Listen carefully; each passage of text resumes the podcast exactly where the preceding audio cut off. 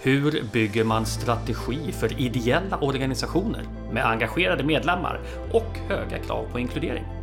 Hur ser processen ut och hur finner man balansen mellan att lyssna och att leda sin organisation mot framtiden?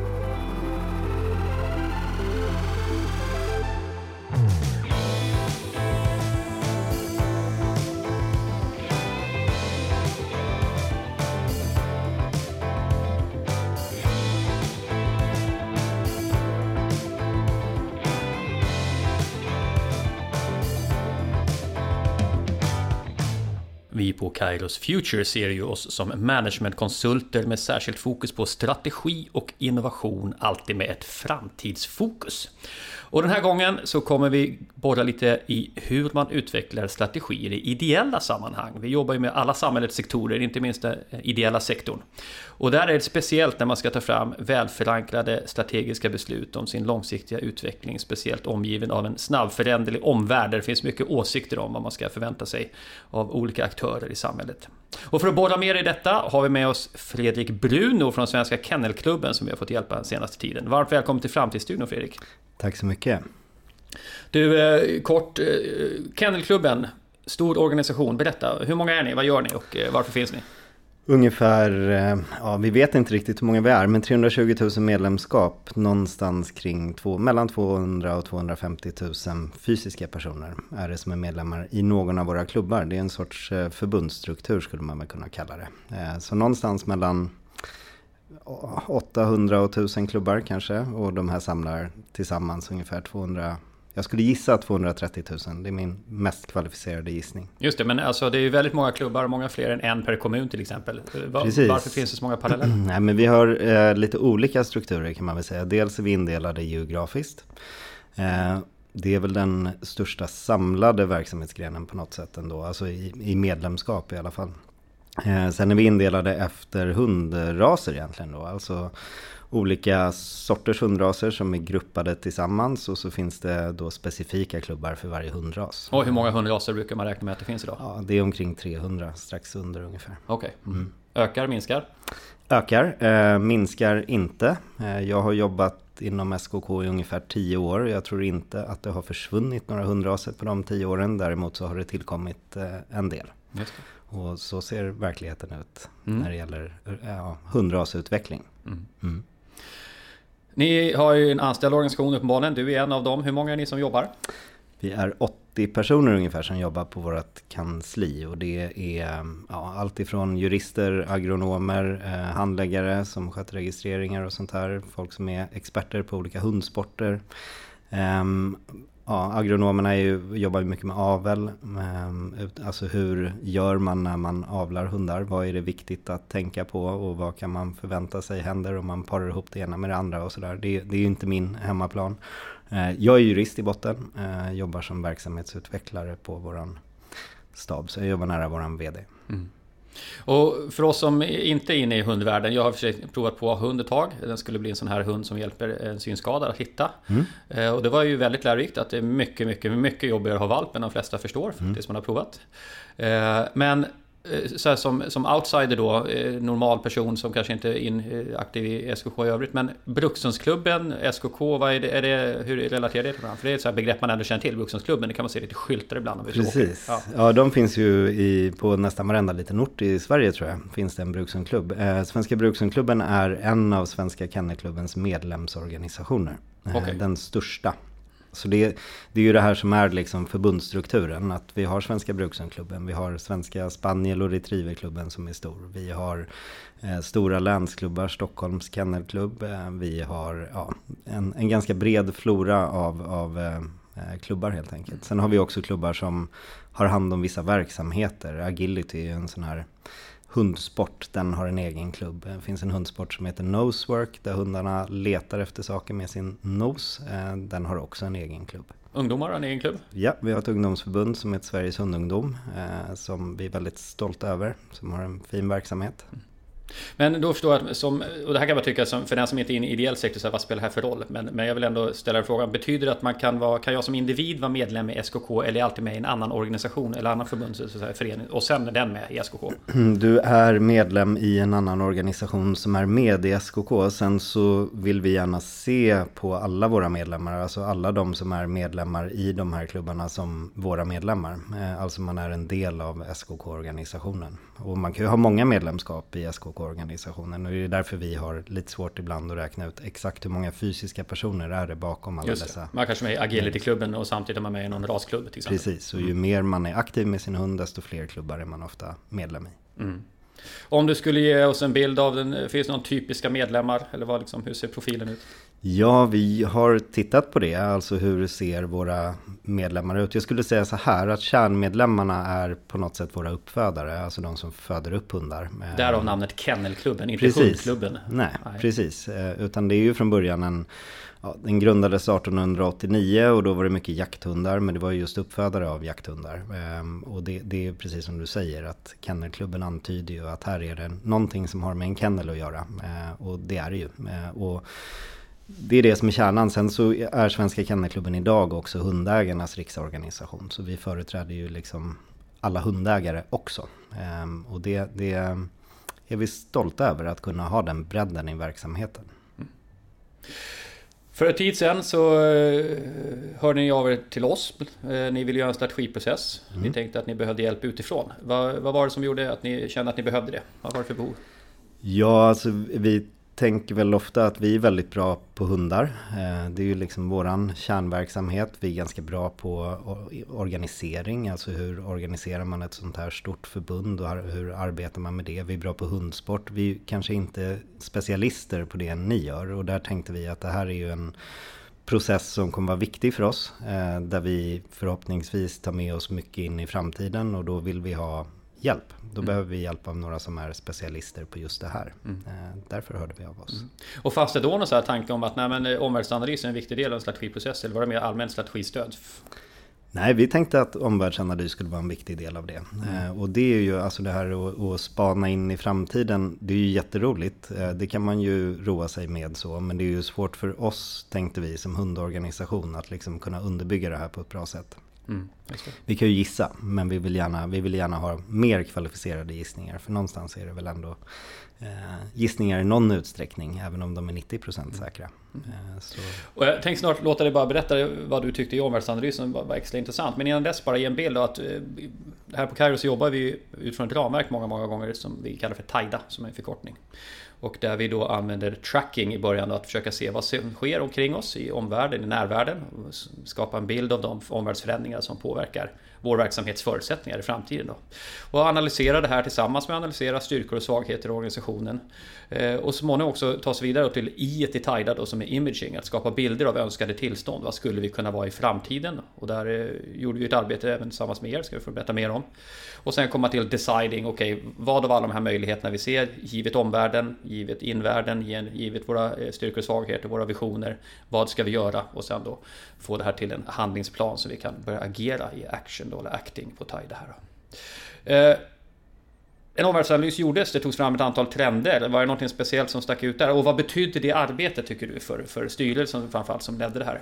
Jag tror att det betyder ganska mycket. Ehm, vi tog ju fram då, eller ni tog fram, vi tillsammans tog fram tio stycken trender ehm, mot framtiden. Jag tänker att av dem så hade vi en trend som jag upplevde blev liksom bärande genom hela den här processen. Mm. Och det är just det här med hundens ökade status eh, som vi också kan se ganska tydligt i våran verksamhet och i våran närvärld så att säga. Att hunden har gått från att vara för, eh, ja, för hundra år sedan så var det ju inte så att man hade eh, jättemycket sällskapshundar hemma inne i huset. Och, utan det var ju ofta hundar bodde i hundgård och man tog fram dem när det var jakt och så här. Och det finns ju kvar idag också men i betydligt mindre utsträckning. Eh, det var ju inte så vanligt att liksom hunden nästan hade status av familjemedlem. Och det här är ju en utveckling vi har sett har vuxit fram. Eh, det har vi kunnat se även innan vi inledde det här arbetet. Att liksom hunden blir viktigare och viktigare för ägaren. Eh, och blir allt mer, ja, inte, kanske inte jämförbar med ett barn, men den är liksom på väg åt det hållet. Mm. Alltså det är en tydlig riktning där. Ehm, och det ser vi tydliga tecken på också. Jag kommer ihåg när jag exemplifierade ibland annat med att folk, eh, eller fler och fler är beredda att lägga väldigt mycket pengar till exempel på, på veterinärvård för sin hund. Ja. Och att hundar ibland till och med kanske eh, får leva längre än vad man förr tyckte var rimligt givet att det kan vara, att de så blir funktionsnedsatta på olika sätt och kanske tidigare tyckte att nu är man för gammal men nu håller man liv i dem på ett annat sätt. Så det blir mer personlig relation. Just det. Mm. Och där tänker vi som hundorganisation att eh, det är vårt ansvar att se till att inte hundens perspektiv kommer bort i det här. Alltså hur mår hunden av att eh, ha tre ben? Eller hur mår den av att eh, ständigt ha ont och gå på smärtstillande medicin och sådär. Det tycker vi är en viktig diskussion att ha. Mm. Mm. Ett annat ämne som dök upp som jag tyckte var intressant det var ju diskussionen kring detta med ras. Eh, som är ett begrepp som är väldigt starkt laddat och blivit än mer laddat med Black Lives Matter-rörelsen som till och med fick genomslag i Sverige och så. Eh, det där är en politisk, alltså en navigering man måste göra i omvärldens syn på vad är det att tycka ras är viktigt och så vidare. Just det. Eh, och det var väl, uppfattar jag som en av de trender som kanske säger, nej vi kanske inte ser väldigt konkreta exempel på att det är ett problem här och nu just nu för våra hundägare, så det är inte så. Men, men idén om att vi ska renodla raser kan ju någon tycka då känns lite unken på något sätt. Eller hur? Eh, det var ju typiskt en sån här sak som gjorde att vi kände att det var bra att vi hade någon utifrån att eh, prata med. För det här är ju inget i våran värld är det ju inte det här något kontroversiellt begrepp överhuvudtaget. Alltså man pratar om olika hundraser och det, för oss är det tydligt att det är hundraser. Eh, mm. Men det är klart att när, när någon kommer utifrån och säger så här, hallå, liksom, hur använder ni er av det här begreppet? och det blir ju ofta i, i i den världen där det begreppet är helt naturligt att tala om eh, så använder man ju det kanske inte alltid med förledet hund heller. Och då kan det ju bli ännu konstigare när man, för man, då börjar man titta på det med nya ögon. Att så här, ska vi ha, vad är en rasspecifik avelsstrategi? Alltså det, mm -hmm. det, det. Eh, hur klingar det för någon som inte vet vad det är? Och den här avelsanalysen ledde ju fram till att det senare också blev en konsekvensanalys. Vad mm. betyder de här eh, trenderna som vi nu har identifierat? Vad ser vi för idéer i detta? Och det var ju starten som det ofta är i våra typer av processer, processer i alla fall. Vi börjar titta ut först och ser eh, och fundera på vad det är som sker där omkring och vad det finns för hot och möjligheter i detta. Mm. Men det var ju många fler moment i er resa också. Eh, vi hade gjort den här biten, sen eh, gav vi ni er ut på turné ut Precis. i landet. Ja, berätta ja. mer. Vart åkte ni och vad gjorde ni? Och hur tog ja, vart åkte vi inte eh, skulle jag snarare säga. Och det är ju sådär, vi hade mig då som är en eh, stadsunge från Stockholm och planerade en resa runt om i världen. Vilket innebar att det var kanske inte helt... Eh... Världen är Sverige här bara så att lyssnarna förstår att det är inte större än så. Men det kan vara nog så mycket om man är Stockholmsunge. Hur långt är det mellan Östersund och Luleå? Och är det körbart på en dag i bil och sådär? Eh, det, det kollade jag kanske lite för sent. Um, nej, men vi var ute och åkte runt Sverige. Vi var från Gällivare var det längst norrut uh, som vi var och sen så var vi nere i Skåne och Blekinge och så här. Och det är 21 stopp tror jag vi gjorde på den här turnén. 21 fysiska stopp, 7 Un digitala. Ungefär hur många hann ni träffa? Jag skulle gissa någonstans kring 1000 personer kanske, mm. uh, lite drygt. Var det en siffra som ni kände att ja, men den var, det var väl värt det? Eller kändes det lägre än man hade väntat? Alltså jag hade nog tyckt det var värt det även om det hade varit 300 eller om det hade varit 30. Vadå då? Vad, vad var det som hände som gjorde det så värdefullt? Nej men det var intressant att komma ut och prata med medlemmar om just det här som vi pratar om nu. Alltså om framtiden. För det innebär ändå någon sorts, tänker jag, förflyttning av det normala perspektivet man tänker i. Det är väldigt lätt att fastna i här och nu. Vad är bra, vad är dåligt, eh, vad borde vara annorlunda nu, nu, nu. Ehm, och, och välgörande tror jag att liksom fundera på eh, hur vill vi ha det om tio år och var ser jag mig själv om tio år. Ehm, och det, det var väldigt intressant tycker jag att vara ute och höra eh, vad våra medlemmar tänker och tyckte om det. Var det några åsikter eller teman som, som återkom i reaktion? För de fick se, de fick se trenderna, och visst var det så? Ni presenterade trenderna bland annat. Precis, de fick se de här omvärldstrenderna. Eh, vi förde en diskussion kring var och en av dem egentligen ute på de här workshopsen. Eh, sen så fick de eh, försöka förflytta sig tio år in i framtiden och se sig själva. Vad, vad gör de med sina hundar och hur skulle de vilja ha det i, i den bästa av världar då. Mm. Ja, jag skulle säga att det var ganska mycket som ändå var återkommande. Och det var ju en stor hjälp för oss sen när det var dags att liksom gå vidare till att göra verkstad av det här. Att vad, vad är det vi ska satsa på? Men framförallt det här med, med mycket prat om hundhälsa. Eh, alltså hur mår hundarna? Hur ska mm. vi se till att vi bevakar då rashunden? Alltså hur, hur ska vi se? Det, en tradition, det man kan se idag nu det är ju att eh, för kanske 20-30 år sedan så var en rashund, alltså det fanns inte så mycket andra hundar. Utan skaffar ja, man en hund så var det en golden retriever eller en labrador eller en pudel eller något sånt här. Och idag så har vi ju en ganska bred flora av andra hundar. Eh, och de, de hundarna ingår ju inte i vår verksamhet när det gäller själva uppfödningsverksamheten. Eh, sen kan man aktivera sig med sin hund oavsett vad man har för hund. Ja, du menar man kan köra blandrashund på agility? Det kan man göra, ja. precis. Mm. Ehm, så, så, men där finns det ändå ett intresse för oss och det är en av, av eh, målparagraferna i våra stadgar att vi liksom ska se till att, att rashundarna överlever. Mm. Och, och där var det mycket diskussioner. Hur ska vi se till att det blir på det sättet? Alltså vad är det, vad är det Svenska Kennelklubbens uppfödare har för liksom edge mm. mot eh, sin omvärld? Vad, vad, vad, har man, vad har vi för USP? Eh, mm. helt enkelt.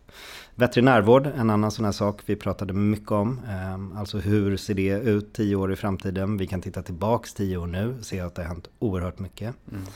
Eh, och det där är ju inte en utveckling som egentligen handlar om hundar, utan det är ju en utveckling som handlar om humanvård egentligen. Att man kan göra mycket mer i humanvården och det spiller över och får effekter på på vården av djur. Just det, men det är väldigt centralt för hundägandet och ja, det är klart. engagerade hundägare. Precis, alltså det innebär ju då att man får mycket dyrare kostnader hos veterinären. Man kan göra mycket mer, man mm. ställs inför ett väldigt svårt etiskt dilemma som djurägare. Mm. När, när det handlar om att ja, vi skulle kunna rädda din hund men det kommer kosta 55 000. Just det. Alltså, och här kommer det här med hundarnas status, att det här är nästan en människa man pratar om. Ja, precis. Alltså det är en familjemedlem och ja. det, det, är ju väldigt, det är ju fullständigt begripligt och vanligt att då vilja liksom göra det man kan för att mm. rädda sin bästa kompis. Mm.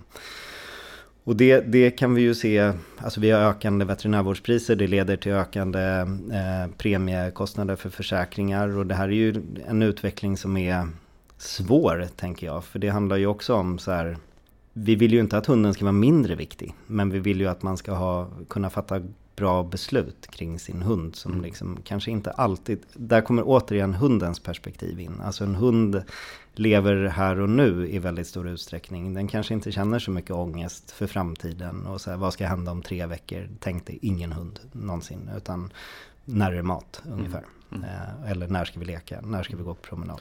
Så ni fick, ni fick eh, ta pulsen på medlemmarna på det sättet? De här mötena gav upphov till samtal som kanske är svåra att få på andra sätt?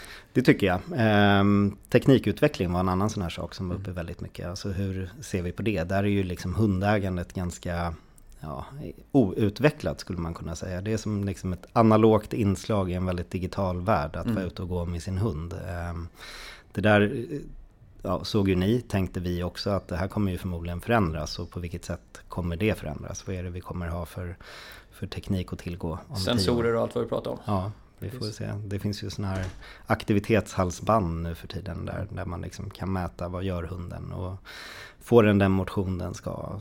Vilken sida sover den på? Vad betyder det? Och hur påverkar det min försäkring i framtiden? Det, kommer ja, ju... det, kan, man, det kan man också fundera på. Mm. Men eh, vilka var det som kom till mötena? Apropå hur man gör så här ideell strategiutveckling. Så här, hur, hur, hur försökte ni samla folk och vilka var det som dök upp? Nej men vi försökte marknadsföra oss liksom i våra interna kanaler. Eh, via hemsida, via nyhetsbrev, via sociala medier och så här. Eh, jag skulle vilja säga att de som dök upp var nog till största delen ganska engagerade medlemmar. Alltså de som kände när de såg det här att det här känns viktigt för mig. Eh, att vara med och delta i det samtalet. Och det, det ger ju väldigt bra samtal tänker jag, att det finns ett stort engagemang. Och jag ska säga, alltså det är ju en av styrkorna med vår organisation. Det finns ett otroligt eh, engagemang. Eh, och det är ju jättekul. Och det är ju också en utmaning ibland, för det är ju inte så att alla vill exakt samma sak hela tiden. Eh, varken varje enskild person eller varje del av organisationen, utan det finns ju många intressen som ibland står rakt emot varandra. Mm, eh, Jätteintressant. Mm. Ja, det är ju speciellt också, för få andra ideella organisationer som där medlemmen egentligen också tycker sig företräda en tredje part, hunden. Precis. Min egen hund och vad den ska få och hur den ska få stöd och hjälp. Och, så, och den däremot, hunden säger däremot inte så mycket i sådana här samlingar och ja. bidrar till samtalet, utan det så det, som medlem kan man liksom ha jag är medlem i den här organisationen men jag jobbar för någon annan lite grann om jag hårdrar det. Eller så. Naturligtvis först själv också, så Men det, det, där är inte så många som har. Det skulle ju vara fantastiskt om vi liksom kunde, om tio år kanske vi får med oss hundarna så kan de säga vad de... Men jag tror inte de är så, så upptagna av att tänka, tänka på framtiden Nej. utan då är det nog mer... Tänk vad överraskade vi blir när vi inser detta. Ja. Eh, ni lät också folk på den här turnén visionera om framtiden. Ja. Ja, hur gick det till? Kort. Nej men då fick de skriva ett litet brev då från sig själva till sig själva. Såna här, jag tänkte nästan det där gjorde man nog i skolan när man var liten. Att man liksom skrev så här, nu är jag 20 år och jag gör det här och jag mm. gör det här. Mm. Um, de fick skapa sig en bild av vad de var med sin, i sitt hundägande och med sin hund om 10 år. Eller rättare sagt vart de ville vara. Mm. Uh, och så hade vi diskussioner utifrån det de kom fram till. Uh, och det där är ju det händer något väldigt intressant, tänker jag, när man lyfter sig själv in i framtiden på ett så konkret sätt. Alltså det blir inte så mycket svepande sådär, vad tror du händer med veterinärvården? Utan vad tror du kommer hända med dig? Eh, och det som är nära dig. Och vad önskar du?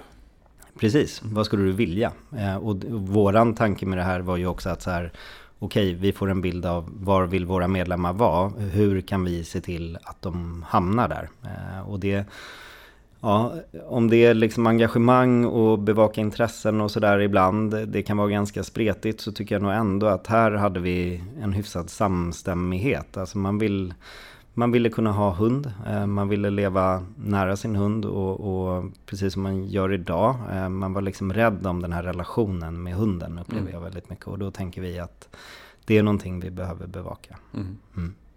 Och Turnén det var väl värd sa du, det var mycket åkande, det tog mycket tid. De hade mm. styrelserepresentanter med eh, och du ja. var med på ja. flera tillfällen förstås också, eller alla tillfällen till och med va? Jag tror, nej, jag var inte med på alla tillfällen. Jag tror jag var med på 19 av 21 ja, fysiska ja. tillfällen eller ja. något sånt där. Så jag är väl berest i Sverige nu. Nästa gång vet jag hur långt det är mellan Östersund och Luleå. Ja, det är jättelångt. Ja, det är verkligen jättelångt. Ja, nej men det, det är bra att lyfta. Jag har själv erfarenhet att göra liknande och jag, eh, i min tidigare roll i ideell sektor så att säga. Och tycker att det är väldigt värdefullt. Man får verkligen en annan relation och inte minst får man en väldig värme, ska jag påstå, i att möta så mycket medlemmar. Det, mm. det är fint, men det kräver ju tid. Det gäller ju att sätta av den tiden och det var ju ni kloka och lyckades få folk att göra även ideella. Precis, så vi, det var jag som var med och så var det eh, Eva Leidbrandt, våran, eh, en, ja, som var ansvarig för det här arbetet i styrelsen. Eh, som ju, vi åkte tillsammans runt en stor del av Sverige och, och det var ju också intressant. Mm. Att arbeta så nära en förtroendevald, alltså så, som man kanske inte gör till vardags. Man jobbar nära dem men inte på det sättet. Nej, också oerhört givande. Och apropå då, ideella medlemmarna är ju viktigast i en ideell organisation, men man har ju även medarbetare. Hur har de varit med i den här processen? Hur har ni tagit tillvara deras kompetens och åsikter? Ja men vi har gjort eh, ungefär samma sak internt på kansliet också då. Ehm, och sen har det varit, det har ju blivit när man gör ett sånt här arbete så uppstår det liksom ett samtal på en arbetsplats tycker jag om framtiden på ett sätt som, som det kanske inte gör i andra fall. Ehm, så, så jag skulle nästan säga att det är där har vi fått mycket gratis av processen i förtroendeorganisationen. Att det liksom blir en naturligt inslag. Det är ju skillnad, vi jobbar ju med det här hela dagarna vi som jobbar på vårt kansli och lever ju väldigt nära den här verksamheten från det hållet. Eh, alltså från ett annat håll. Vi har ju inga andra jobb som vi går till på morgonen och Nej. kommer hem från på kvällen och så är det dags för det här. Utan det här är ju det vi gör. Ehm, och det innebär ju att vi hamnar ju väldigt nära jag tror att det, det för oss är det ju lättare att göra den förflyttningen på ett icke-känslomässigt sätt, eller vad jag ska säga. Alltså att, att kunna se mm, hinder eller faror eller utmaningar kallar vi dem för nu. Eh, och möjligheter på, på ett mer eh, krasst sätt kanske. Mm. Mm. När omvärldsanalysen var gjord, turnén var gjord med både reflektioner kring omvärldsanalys men också visioner och tankar om framtiden från medlemmarna så, eh, och medarbetarna så var det sen också eh, genomfördes ju en workshop tillsammans mm. med styrelse och urval av medarbetare. Det var mm. nyckelpersoner på olika frågor. Mm. Så. Vi höll på i vad var det? Två, två dagar nästan. Ja, två hela dagar. Två hela dagar. Ja. När vi både gjorde en liten styrka och svaghetsanalys men också då jobbade med materialet. Vad är det vi har fått in egentligen? Vad är det folk har sagt och tänkt och vilka konsekvenser ser vi av, av omvärldsanalysen? För att då ge, få ett utkast till en strategi. Mm. Reflektioner kring den typen av arbete. Vi var ju kanske, hur många var vi totalt? Var vi 15-tal personer i alla fall. Ja, jag tror vi var närmare ett 20-tal till och med. Ehm, ja, den primära reflektionen är att jag aldrig har sett så många post-it-lappar i hela mitt liv. Då har vi lyckats. Det är konsultens första uppgift. Både digitala och eh, på papper, ska mm. vi säga. Ehm, nej, men det var, det var oerhört givande också tycker jag. Jag tyckte det var när man har varit i det här, alltså när det har vuxit fram hela det här materialet så kan det ju, det är ju nästan så att man känner att oh, nu är jag på väg ner och drunkna i det här materialet. Vad ska det någonsin bli av det här? Liksom? Det finns det ena och det andra, det känns spretigt, det känns djupt, det känns brett. Um, Men jag tycker att det var en eh, väldigt intressant upplevelse att se det liksom smalna ner och bli um, spetsigt på ett sätt som, som uh, jag kanske nästan hade svårt att tänka mig att det skulle gå att bli. Det var en väldigt rolig process tycker jag och intressant och, och också kul att få ta med det här medlemsperspektivet in i det rummet. Mm. Um, där liksom styrelse och delar av ledningsgrupp uh, fanns. Att uh, ja, det här vill medlemmarna och det det, det vet jag, ungefär så. Eh, mm. Mm. Spännande. Det här är ju ett arbetssätt som vi ofta tillämpar, att vi tar de här tre perspektiven. Vad bör vi göra, givet omvärlden? Vad kan vi göra, givet våra styrkor och svagheter? Och vad vill vi göra, givet våra visioner? Och de, från de perspektiven kommer sen idéer som kombineras då till strategiförslag, strategiutkast som vi kan knåda vidare.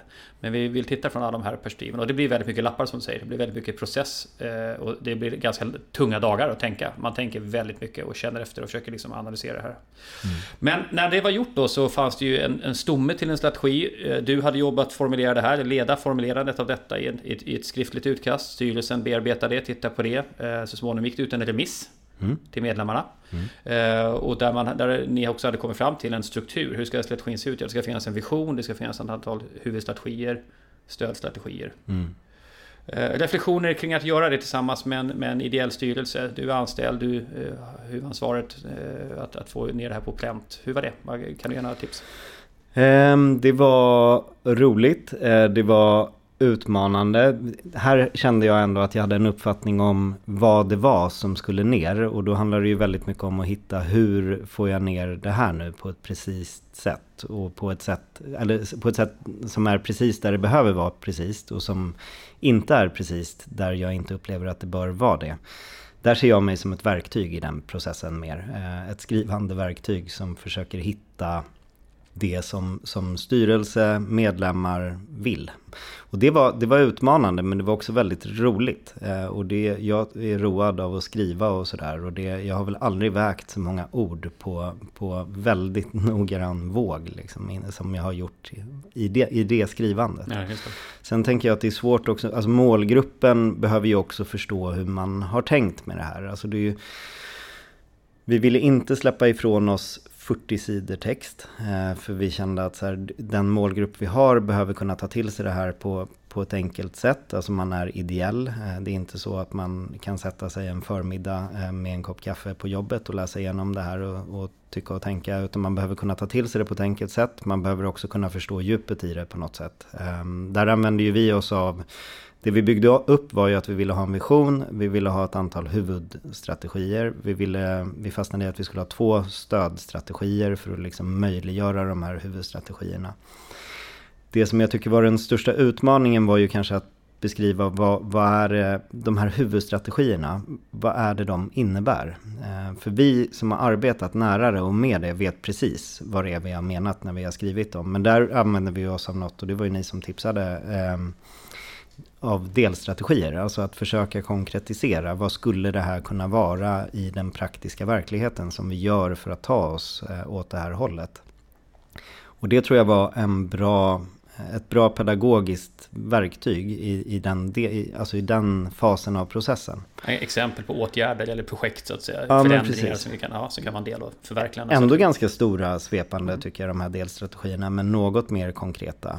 Um, och det, de hade vi med i den här remissen när vi skickade ut dem. Den. De hade vi inte med sen när vi fattade beslut om det här på vårt fullmäktige-möte. Utan där hade vår styrelse önskat det utrymmet att liksom kunna omprioritera och justera de här. Och då vill man inte ha i en ideell organisation ett fullmäktigebeslut. För då blir det ju väldigt svårt att arbeta med om det är så att man märker att nej, men det här kommer inte gå. Eller det här behöver vi justera under pågående mandatperiod. Och fullmäktigebeslut för er, det är ju så att säga, eh, var, ni har vartannat år? Nej, ja, precis. Ännu, vartannat, har vartannat år. år. Ja, så det är förbundsmöte eller då för den som inte är van i ideell sektor, bolagsstämman. Ja, eh, exakt så. Eh, och har man den vartannat år eh, och man lägger ett, en strategi för kanske 10-15 år framåt sådär. Eh, sen är det ju inte så att vi lägger den och så tänker vi ja, nu är det klart och så får vi se vart vi är om 15 år. Utan det kommer ju ständigt behöva utvecklas. Men det att kunna arbeta med de strategierna blir ju ganska låst om man har sagt att för att uppnå det här så ska vi göra det här och det här och det här. Då måste vi hela tiden komma tillbaks med att nej, nu behöver vi ändra lite i det här lilla delprojektet.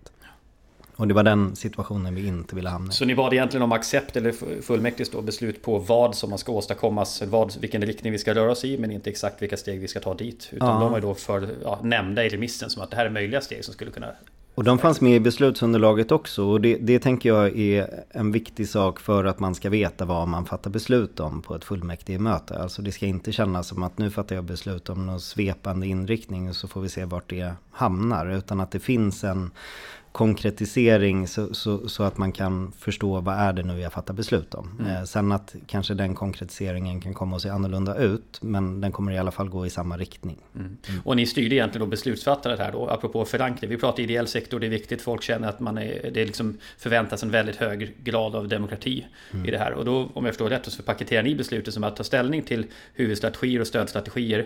Men på mötet diskuterar vi inte de här aktiviteterna då, eller delstrategierna som ligger under varje sån här huvudstrategi strategi utan man får ta ett paket så att säga, ja eller nej till strategin. Ja. Eh, vi såg ju också när vi hade den här remissbehandlingen som vi hade väldigt stora delar av organisationen som svarade på att, att det fanns en stor accept för de här förslagen vi hade lagt. Eh, hade det sett annorlunda ut hade vi kanske varit tvungna att paketera beslutet på ett annat sätt också. Då hade vi ju förmodligen också justerat förslaget i större utsträckning än vad vi gjorde. Vi gjorde små justeringar efter remissen. Ehm, men, men så jag tänker att förankringsmässigt, ja det är ju superviktigt. Alltså har man inte förankring på en sån här sak, då, då finns det ju alltid en risk att man jobbar med saker som man sen kommer få rulla tillbaka. Mm. Ehm, så, så den situationen vill vi absolut inte hamna i. Utan viktigt att det är förankrat, att alla förstår vad det är de fattar beslut om. Ehm, och sen så kommer ju utmaningen nu, tänker jag, när vi ska börja arbeta med det här på olika sätt. Hur ser planen ut där?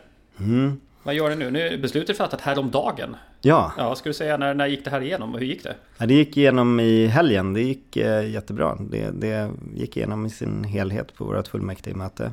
Um, det är inte ett, en självklarhet att saker går igenom i sin helhet på våra fullmäktigemöten. Uh, det, det finns stort engagemang där också. Det är en väldigt dynamisk miljö att arbeta i. Um, för det finns väldigt mycket viljor. Och alltså, uh, det är ju en av de sakerna, tänker jag, som jag kan känna mig mest stolt över eh, med Svenska Kennelklubben. Att det finns ett så otroligt engagemang och så mycket viljor. Eh, men det har ju också sina utmaningar. Alltså att det, det, med den bredden vi har på vår verksamhet så kan det ju vara vitt skilda viljor. Eh, och att vi att vi lyckades hitta någonting här som alla verkar kunna skriva under på känns ju jätte, jättebra. Ehm, så det är väl, det här beslutet är väl tre dagar gammalt eller något sånt där. Fyra dagar gammalt. I söndags fattades det. Mm. Eh, idag är det torsdag. Mm. Mm. Om du skulle säga något då, för en viktig fråga tycker jag när man jobbar med strategier i ideella sammanhang. Det är ju att det finns en anställd organisation mm. som rör sig med sitt eget tempo. Eh, och som du säger, fyller dagarna med att tänka på eh, organisationens väl och ve. Och sen har vi ideella och de ideella kan man grupperas från superengagerade eller supererfarna till, allt, eh, till, till motsatsen, lågengagerade och en del. Och sen då förstås då som inte kan hur organisationen egentligen funkar och svårt att ta del på det sättet.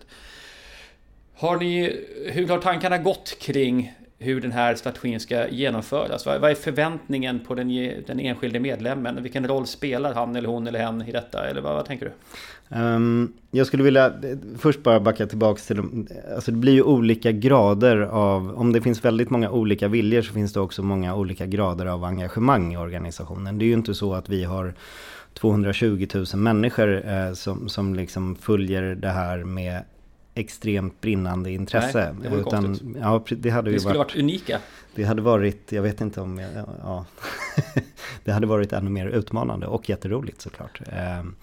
Men vi har ju någonstans känt att det är viktigt för oss att även få koll på vad tycker de här som kanske inte pallar sig iväg för att träffa oss tre timmar en vardagkväll eh, på en travbana. Utan vad tycker den medlemmen som är medlemmen som kanske mest bara vill ha tidningen och, och liksom ligger i soffan med sin hund och tar långa promenader och har en familjehund. Vad tycker den är viktigt i framtiden? Och det det försökte vi nå dels genom att skicka ut medlemsenkäter som vi fick otroligt mycket svar på. Ehm, men det, också genom att närvara på sådana här eh, mässor och event som vi har där vi vet att det kanske är lite mer vanliga hundägare så att säga. Jag tror att den delen av förankringsprocessen ska man inte missa. Eh, för det blir också ett sätt att kommunicera mellan de här olika engagemangskategorierna. Mm. Alltså att kunna, kunna komma med väl underbyggda påståenden till den mest engagerade gruppen om vad den mindre engagerade gruppen egentligen tycker. Eh, det blir också en sån här jag upplever att våra engagerade medlemmar har varit oerhört bra i det här. Eh, de har liksom kunnat lyfta sig och också diskutera utifrån det. Ehm, ja, för ni befarade rätt mycket drama, kommer jag ihåg i början. Ja, alltså det gör man när det finns så starkt engagemang, mm, tänker jag. Mm. Det ser man som en, en, uppenbar risk att det här skulle kunna bli eh, kladdigt, liksom, mm. eller bråkigt helt enkelt. Mm. Och det har det inte alls blivit, det har uteblivit eh, mm. till väldigt stor del.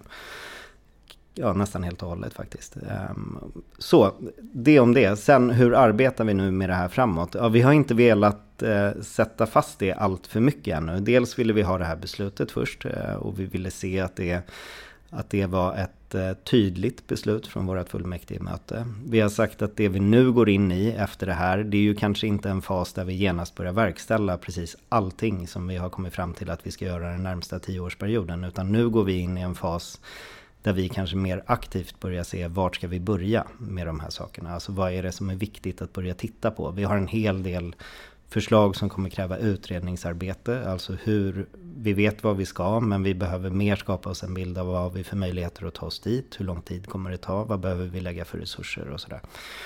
Så jag tänker att så här, den här kommande tvåårsperioden fram till nästa fullmäktige-möte, eh, för mig känns det som den kritiska fasen. Men, men eh, det tror jag alltid. Nej, men jag tror, dels är det nog ett personlighetsdrag hos mig att se den nuvarande fasen som den mest kritiska. och det är väl bra för att då, då, då har man respekt för det man är i på något sätt. Ja.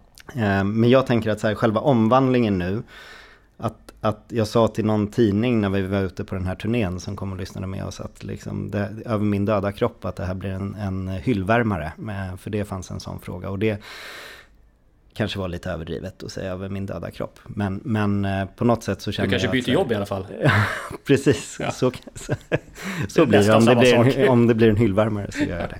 Eh, nej men jag tänker att det är jätteviktigt nu att liksom inte vara, ha för bråttom och inte heller låta det självdö. Utan att liksom underhålla det här. Sen är det självklart så att det här har ju skapat någonting i organisationen redan nu. Det finns ju förväntningar. Ja, och det, men jag upplever också att det har skett en sorts... Eh, det finns en, en, en tydlig vilja att vilja prata om framtiden. Aha. Och liksom att kunna lägga de här perspektiven även i det lilla vi gör. Eller det lilla, men när vi lägger verksamhetsplaner nu för kommande period så är ju det här någonting som vi kommer eh, ta hänsyn till i det arbetet.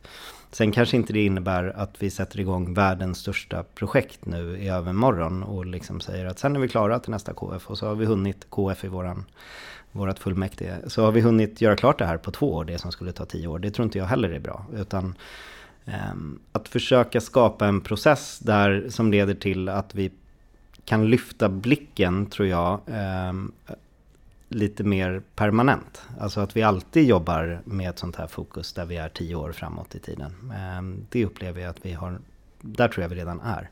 Sen finns det ju punktinsatser som finns i det här, alltså där vi vet att vi behöver se över vissa saker. De, de tror jag att vi kommer stegra arbetstempot med. Eh, det. det. vill säga vi börjar nu med att undersöka hur ska vi göra det.